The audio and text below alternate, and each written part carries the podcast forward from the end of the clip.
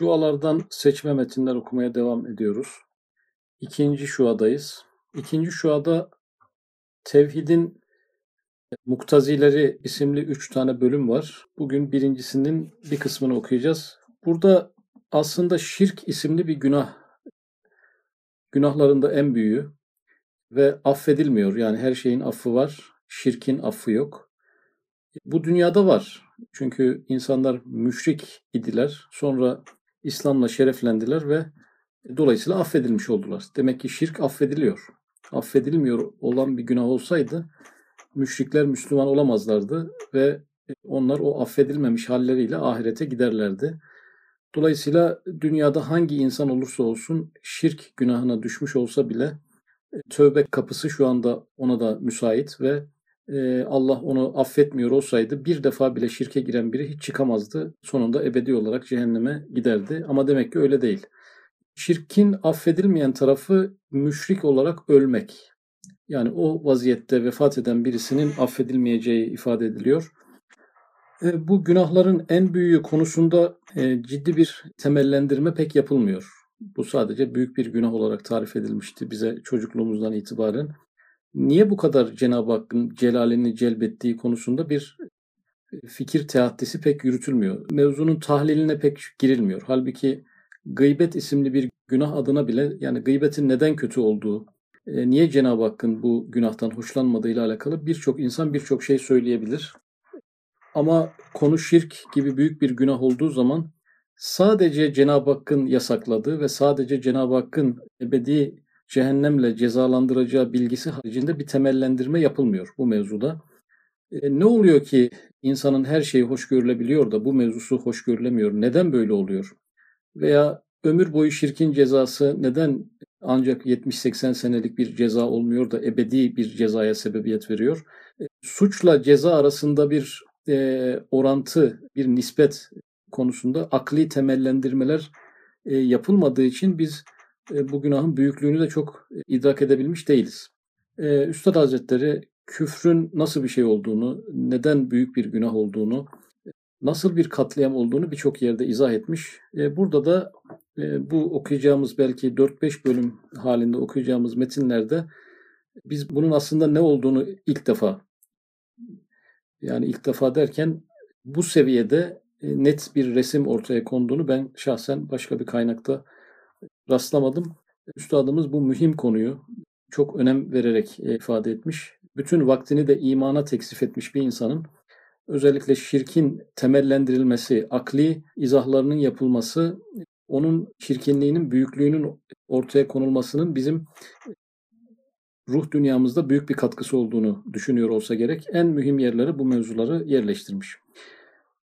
Bu kainatta gözle görünen hakimane efalin hakimane efal yani fiiller var ama hikmetli fiiller.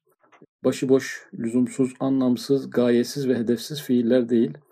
Ve basirane tasarrufatın, kainatın her tarafında her yeri görülüyormuşçasına yani atomun altı da galaksilerin üstü de görülüyormuşçasına bir takım e, fiiller yapılıyor.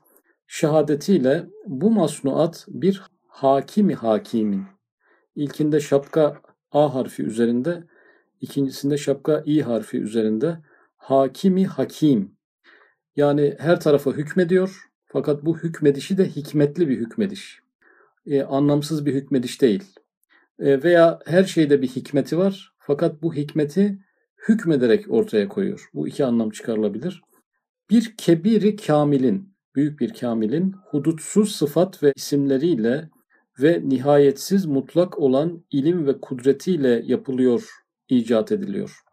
Bu ön paragraf çok belki ileride asıl hakiki hedefini bulacak ama hudutsuz sıfat ve isimlerle nihayetsiz mutlak olan ilim ve kudretle her şey öyle yapılıyor. Bir insanın herhangi küçük bir şeye sahip çıkması, sahiplenmesi, ben yaptım, ben ettim demesi aslında hudutsuz sıfat ve isimlerin mutlak olan ilim ve kudretin ortaya koyduğu son neticeyi sahiplenmek anlamına geliyor. Çünkü her şey bu süzgeçten süzülerek geliyor. Ben yazdım, ben yürüdüm, ben ettim, ben yedim, ben giydim.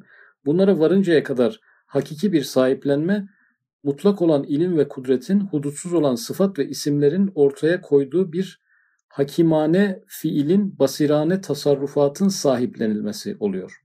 Dolayısıyla aslında üç noktada biz bir şirkten bahsedebiliriz. Biri malikiyet noktasındaki şirk, sahiplenme. Bir kibrit çöpünü sahiplenmekle Samanyolu galaksisini sahiplenmek arasında bir fark yok. E, çünkü ikisi de mutlak olan ilim ve kudretin neticesinde var olabiliyor. İkisi de hudutsuz sıfat ve isimlerin bileşkesi noktasında ortaya çıkıyor. Dolayısıyla benim kibritim demekle galaksinin yarısı bana ait, tamamı bana ait, evrenin yarıdan fazlası bana ait veya tamamı bana ait demek arasında hiçbir mantık farkı yok. E, dolayısıyla e, şirk türlerinden birisi mülkünde şirk. Yani küçük bir şeyi sahiplenmekle kainatın tamamını sahiplenmek aynı şey. İkincisi uluhiyetinde şirk. Yani herhangi bir varlığı yüceltmek, hak etmediği bir noktaya oturtup ona hak etmediği bir hürmet ve alaka göstermek burada bir kişiye e, tapmakla bütün her şeyin kulu olmak arasında hiçbir fark yok. Uluhiyetinde şirk. Bir diğeri de rububiyetinde şirk. Yani Cenab-ı Hakk'ın otoritesi altına girmek yerine herhangi bir fani varlığın tasarruf noktasında otoritesi altına girmek e, bu da isterse bir kişinin otoritesi olsun rububiyetinde şirk oluyor. Dolayısıyla bütün kainatın tamamıyla bazen küçük bir parça eş değer bir şekilde aynı anlamı taşıdığından dolayı burada mutlak mevzulara bir öncelikle vurgu yapıldı. Evet bir hadsi kat'i ile hadsi kat'i yani hızlı ve kesin bilgi hemen bakar bakmaz gelen bilgi ama kesin bilgi bu eserlerden o saniin hem rububiyeti amme derecesinde hakimiyeti ve amiriyeti rububiyeti amme yani tamamın bütünün rububiyetini yerine getirme iki kavramla karşımıza çıkıyor. Hakimiyet ve amiriyet. Hakimiyet hükmetmek, hükmü altında tutmak. Cenab-ı Hak bütün kainatı hakimiyeti altında tutuyor. Ama bazen bir şeyi hakimiyeti altına alınır ama orada amiriyet olmayabilir. Mesela bir ülke bir ülkeyi işgal etse onu hakimiyeti altına almış olur. Ama o ülkenin içerisindeki ferden ferda herkesi yönetmiyorsa bu işgalde hakimiyet var, amiriyet yok demektir. Dolayısıyla Cenab-ı Hak bütün kainatın sahibi ve hakimi olması ayrı bir şey.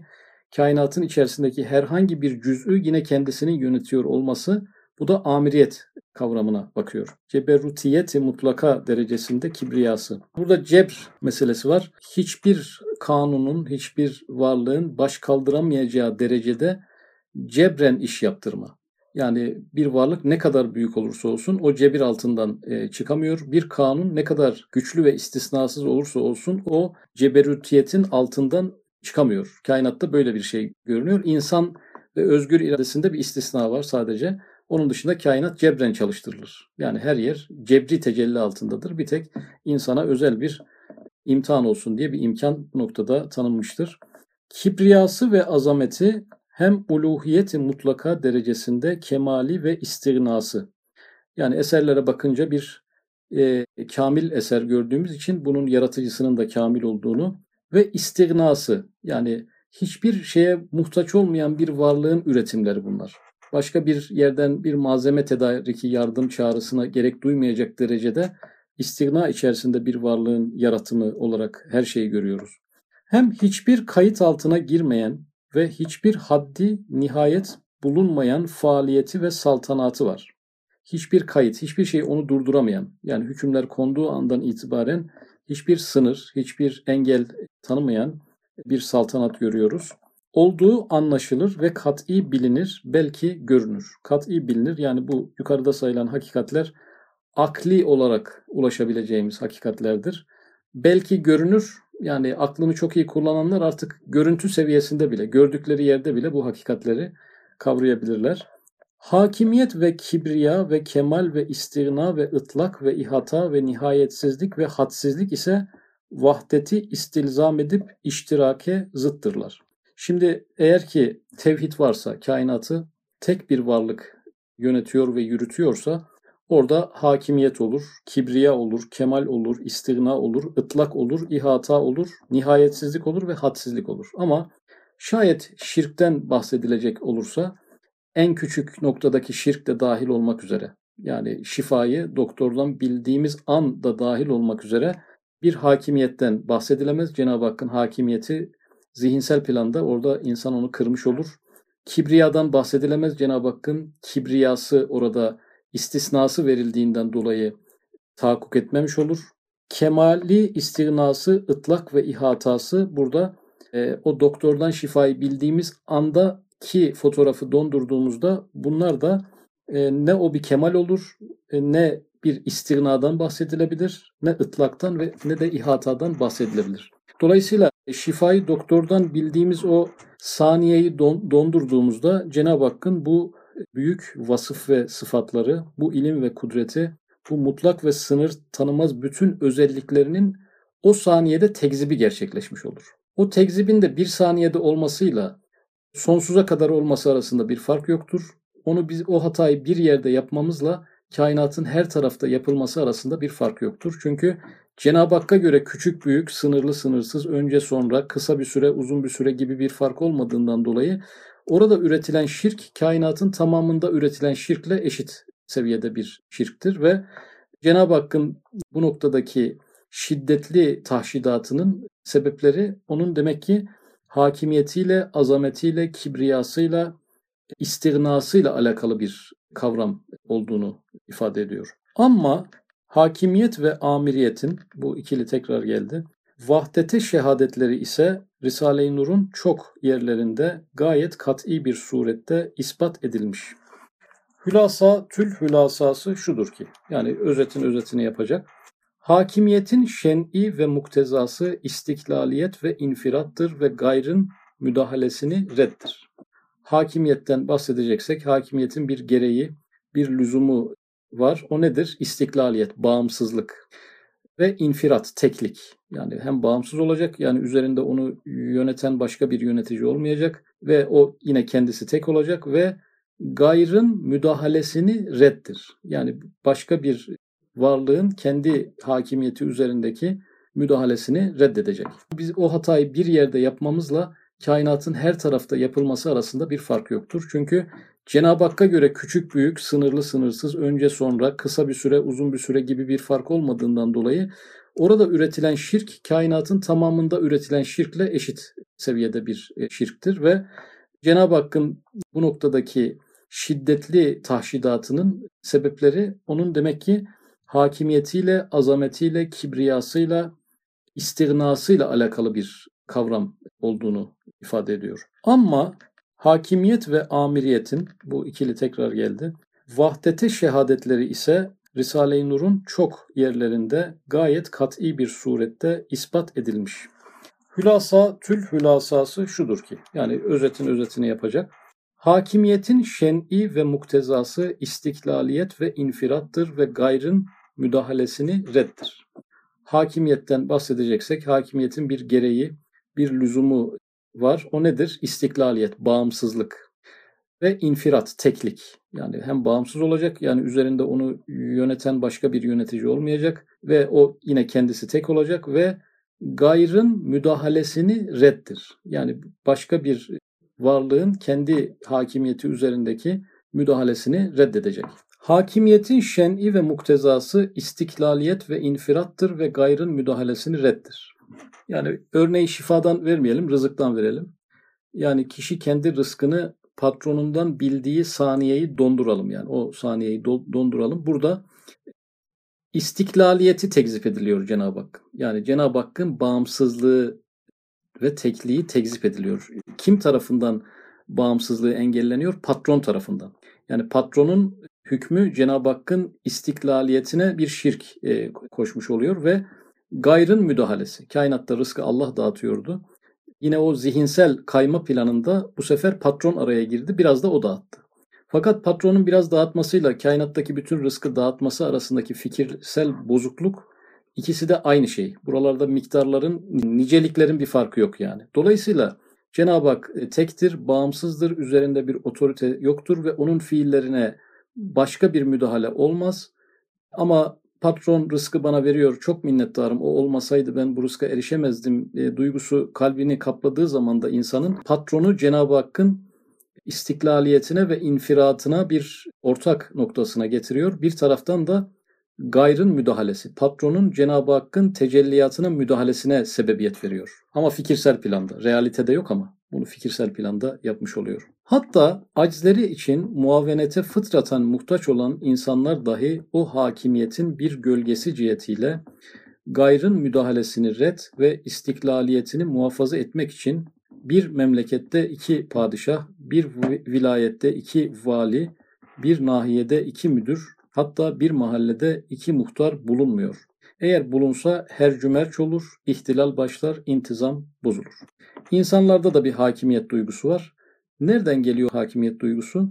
O hakimiyetin bir gölgesi cihetiyle. 30. sözdeki vahidi kıyası kelimesi burada gölgesi kelimesiyle karşımıza çıkıyor. Demek ki Cenab-ı Hakk'ın kainata olan hakimiyetini anlayabilelim diye bize izafi bir hakimiyet vermiş. Biz de kendi hayatımızın, evimizin, barkımızın, çoluğumuzun, çocuğumuzun, işimizin, gücümüzün hakimiymişiz gibi bize bir his verilmiş ki Cenab-ı Hakk'ın hakimiyetini anlayalım. Ama o izafi hakimiyette bile insan her ne kadar aciz ve yardımlaşma ve dayanışmaya muhtaç olmasına rağmen, hiçbir şeyi kendi görememesine rağmen, hiçbir işi kendi tam yapamamasına rağmen e, bir istiklaliyet, bir bağımsızlık, başkasını kendi işine müdahale ettirmeme, başka müdahalelerden rahatsız olma duygusunu kaplıyor bizi. E, bu da aslında Cenab-ı Hakk'ın bu istiklaliyet, infirat ve gayrın müdahalesini red meselesini anlayabilmemiz için bize vahidi kıyası olarak verilmiş. Cenab-ı Hak şirk için neden kızıyor? Ama bir de insanın hayatına giren, insanın kendisinin ortak koşulduğu, noktalar, kendi işine müdahale edildiği, yani bir şoförün işine bile bazen karıştığımızda e, aldığımız olumsuz hava aslında Cenab-ı Hakk'ın işlerine karışılmasından, gayrın müdahalesinden Cenab-ı Hakk'ın hoşnutsuzluğunun bir yansıması aslında. Gerçekten İstanbul'u e, bırakın aynı anda iki belediye başkanının yönetmesini yani birisi bırakıp işi diğeri devraldığında bile işler karışabiliyor yani. Halbuki birinin yetki alanı bitmiş, öbürününki başlamış. Orada bile bir mücadele bazen yıllarca sürebiliyor kendi evimize bir başkasının müdahale etmesi, e, yani boyasına, eşyalarının düzenine, e, bir misafirimizi bir iki cümlesini belki kaldırabiliriz ama uzun uzun çok fazla karıştığı zaman ciddi bir rahatsızlık olabilir. Kendi mesleğimize, kendi yaşam tarzımıza, seçimlerimize, başkalarının müdahaleleri bizi oldukça rahatsız eder. Niye Allah böyle bir özellik vermiş? Adeta tevhid ve şirki anlayabilelim ve bir başkasının Cenab-ı Hakk'ın tecellilerini sahiplenmesi, ona müdahale etmesi, şirke ve ortaklığa girişmesi karşısında Cenab-ı Hakk'ın ne kadar celallendiğini bizler de anlayabilelim diye bizim içimize böyle bir ferdiyet, bir mecazi istiklaliyet, bir mecazi infirat koymuş yani. Halbuki biz bir de aciziz, bir de dayanışmaya muhtacız. Başkalarıyla iş yapmaya muhtaçken böyle bir duygumuz var. Cenab-ı Hak aciz olmamasına rağmen, bir muavenete ve bir yardımlaşmaya ihtiyaç duymamasına rağmen aynı meseleden ne kadar fevkalade celallendiğini ancak bize verdiği bu duygular üzerinden kıyas yaparak anlayabiliriz. Madem hakimiyetin bir gölgesi aciz ve muavenete muhtaç olan insanlarda bu derece müdahaleyi gayri ve iştiraki reddedip kabul etmezse elbette acizden münezzeh bir kadir mutlakta rububiyet suretindeki hakimiyet hiçbir cihetle iştiraki ve müdahaleyi gayri kabul etmez. Belki gayet şiddetle reddeder ve şirki tevehhüm ve itikad edenleri gayet hiddetle dergahından tard eder. Şirki itikad edenleri anlıyoruz. Yani şirki inanç haline getirmiş. İnsanları zaten dergahından kovar ama bir de tevehhüm var yani. Şirki tevehhüm. Aslında bu neydi? Bu yine 30. sözdeki mecazi meseleleri vehmedelim diye yani vehmi bir malikiyet, vehmi bir hakimiyet, onu hakiki zannetmek büyük bir hataydı. Ne olacaktı? Kendi vehmi hakimiyetimi o büyük hakiki hakimiyete de en sonunda devredecektim. Yani bu meseleyi yapmazsam bir mümin olmama rağmen, müşrik olmamama rağmen e, benim bana ait, ben yapıyorum e, meseleleri o hakiki ilahi icraatlara dahil edilmezse yine burada bir Cenab-ı Hakk'ın dergahından kovulma meselesi söz konusu. İşte Kur'an-ı Hakim'in ehli şirk aleyhinde gayet şiddet ve hiddetle beyanatı bu mezkür hakikatten ileri geliyor. Ama kibriya ve azamet ve celalin vahdete şehadetleri ise o dahi Risale-i Nur'da parlak bürhanlarıyla beyan edilmiş. Şimdi bizde bir kibriya var mı? İnsanda bir kibriya var mı? Madem Cenab-ı Hak'ta var. izafi şekilde var mı? Evet insan kibirleniyor. İnsanın kibirlenmesi bir günahtır çünkü insan kibirlendiği şeylerin sahibi değil. Cenab-ı Hakk'ın kibriyası bir noksanlık mıdır? Hayır çünkü o kibriya sahip oldukları şeylerin kibriyası. Hakiki malikiyetin bir kibriyası. Burada azamet, insanda bir azamet, bir büyüklenme var mı? Var izafi olarak. Ama neyle büyükleniyor? Kendisinde olmayan şeylerle büyükleniyor. Cenab-ı Hak'ta bir azamet var mı? Var. Fakat kendisinde olan şeylerin azameti. Dolayısıyla insandaki günah Cenab-ı Hak'ta burada bir kemalat olarak karşımıza çıkıyor. Celal kelimesi bizde bir öfke var mı? Var. Bu neyin gölgesi? Cenab-ı Hakk'ın celalinin gölgesi. Cenab-ı Hak'ta celal var ki bizde öfke var. Veya biz Cenab-ı Hakk'ın celalini öfkemizden anlayabiliriz. Fakat bizim öfkemiz genellikle sorunlu, lüzumsuz ve genellikle yanlış muhataba sevk olunan bir eksiklik ve kusur olmasına rağmen Cenab-ı Hakk'ın celali böyle bir kusurdan ve noksanlıktan münezzeh bir celal. Ama biz öfkelenemiyor olsaydık Cenab-ı Hakk'ın e, celalini anlayamazdık. Adeta gözü görmeyen birinin Cenab-ı Hakk'ın basir ismini, kulağı duymayan birinin de semi ismini anlayamaması gibi e, celali anlayabilmek için de bir duygu bize verilmiş. Fakat bir de burada insanın kendisini ortak koşulmasından rahatsız olması. Yani bazen hayatın merkezinde olması, başka biri en azından bir kişinin gözünde bile bir bölünmeksizin, parçalanmaksızın değer görme arzusu kişinin. Ve o değeri göremeyince de oldukça rahatsız ve mutsuz olması. Evet insanda belki bir yetersizlik, acizlik veya belki de hak ettiği bir meseledeki bir üzüntü ama Cenab-ı Hak'ta bu meseleler tam yerli yerinde kullanılmış hikmetli meseleler olarak birbirini anlayabileceğimiz kıyas noktaları. Mesela nasıl ki güneşin azameti nuru ve kibriyayı ziyası perdesiz ve yakınında bulunan başka zayıf nurlara hiçbir cihetle ihtiyaç bırakmadığı ve tesir vermediği gibi. Uzun bir cümle buradan bölsek iyi olacak. Yani güneş varken aynı zamanda yıldızların ışığı da dünyaya geliyor aslında. Hani geceleri bazen yıldızlar biraz aydınlık yaparlar. Güneş olmadığı için belirgindirler. E, ama gündüzün tam ortasında da o yıldızların ışığı dünyaya geliyordur ama o güneşin o büyük ve yakın ışığı varken biz yıldızın ışığıyla aydınlandığımızı zannetmeyiz. Ben yaparken bir eylemde bulunurken o eylemi aynı zamanda kader yapar. Fakat kaderin ışıkları o kadar güçlüdür ki benim yapmam onun yapmasına dahil olunca benimkinin bir değeri burada söz konusu olamaz. Sahiplenme gibi bir imkan olamaz. Veya yani güneşle mum ışığı, güneş varken mum ışığının aydınlattığı bölgelerin ışığıyla ilgili çok mum aydınlatıyor diyemeyiz gündüz vakti olduğu zaman. Burada ihtiyaç bırakmamak ve tesir vermemek. Yani Cenab-ı Hak insanlara bir şey yaptırıyor ama o ihtiyaçtan kaynaklı bir şey değil. Cenab-ı Hak insanlara bir şey yaptırıyor ama tesiri onlara bırakmamış. Doktora hasta baktırıyor ama doktora ihtiyacı olduğundan değil.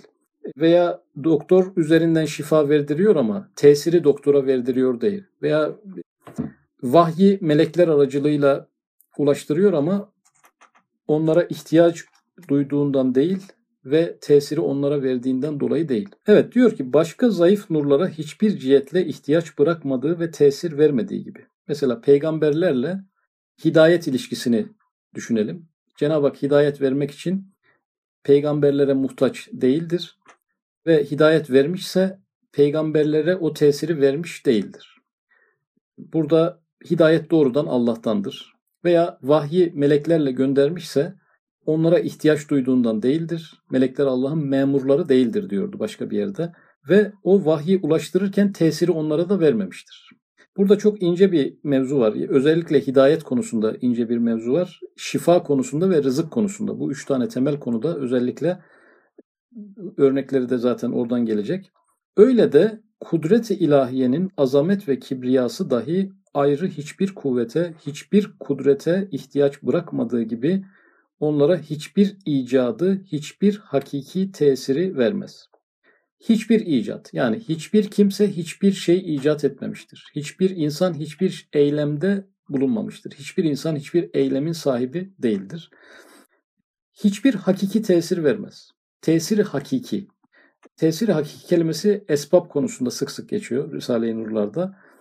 Esbabın tesiri yok diyor Üstad. Yani kaç kelime? Esbabın tesiri yok. Üç kelime. Yani bir kitaplık bir cümle.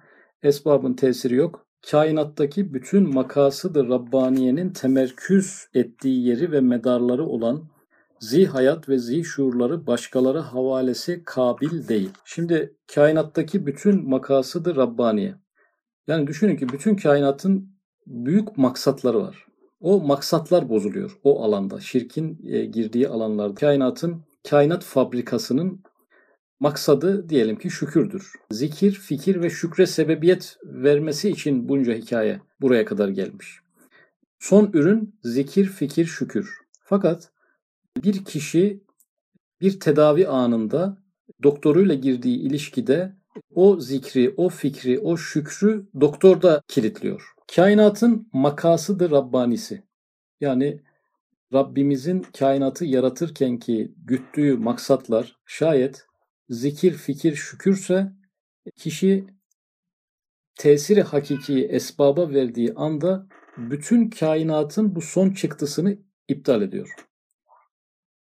Böylelikle neyi aslında yok etmiş oluyor? Kainatın yaratılma maksadını boşa çıkarmış oluyor. Kainatın yaratılma maksadını boşa çıkarmak da teker teker kainattaki bütün nesne ve varlıkların yaratılmasının boşa çıkarılması, gayesiz hale getirilmesi demek. İnsan esbaba tesiri hakiki verdiği anda böyle bir şeye sebebiyet veriyor. Kainatın yaratılma maksadı zikir, fikir ve şükür değil de şöyle desek, yani Cenab-ı Hakk'ın bilinmesi ve tanınması. Yani insanları kulluk etsinler diye yarattım. O verilen tefsirlerde beni tanısınlar, bilsinler diye. Dolayısıyla biz esbaba tesiri hakiki verdiğimiz anda Cenab-ı Hak yerine başka birini tanımış oluyoruz.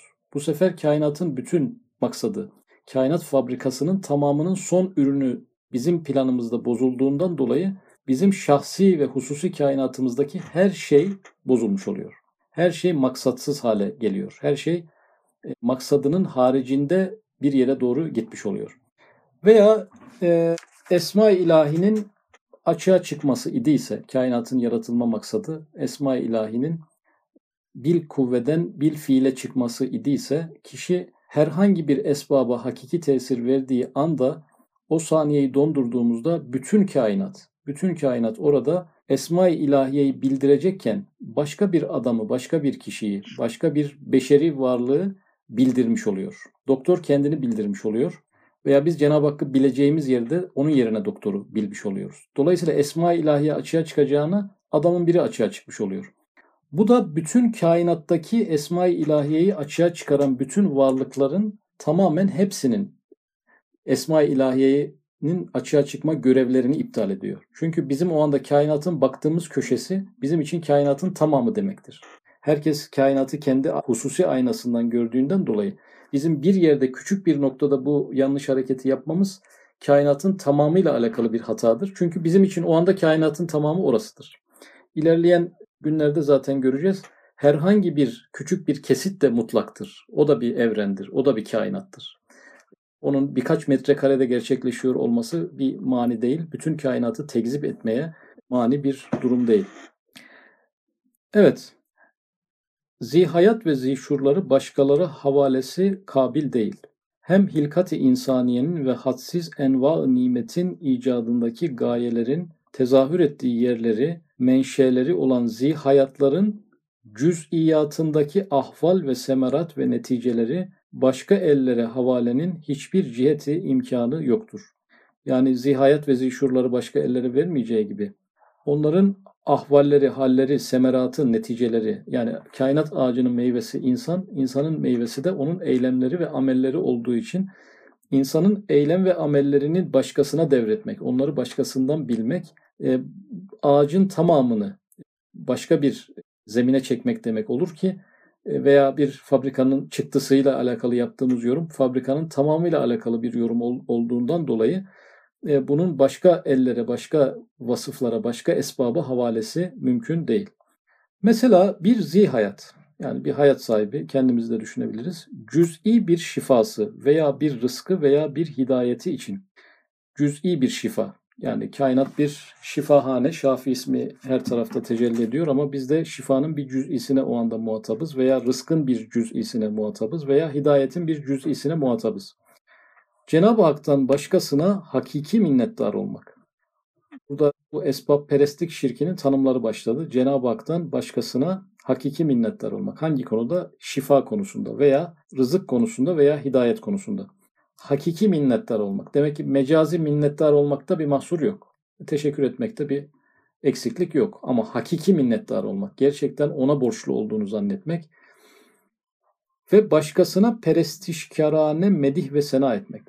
Yani Allah'tan başkasını o şifadan dolayı, o cüz'i şifadan dolayı, o cüz'i rızıktan dolayı, o cüz'i hidayetten dolayı Cenab-ı Hak'tan başkasına perestişkerane, taparcasına medih ve senada bulunmak. Yani onu hak etmediği övgüler, iltifatlara boğmak, işte onun e, dolduramayacağı bir makam ona atfetmek ve o şifayı, rızkı ve hidayeti bize ulaştırmasından dolayı e, onu yüceltmek, e, onu yüksek bir kalbimizde yüksek bir makama oturtmak, medih ve sena etmek, onu övmek, Allah'ı öveceğimiz yere onu övmek, rububiyetin azametine dokunur, uluhiyetin kibriyasına ilişir ve mabudiyetin mutlakanın haysiyetine dokundurur, celalini müteessir eder.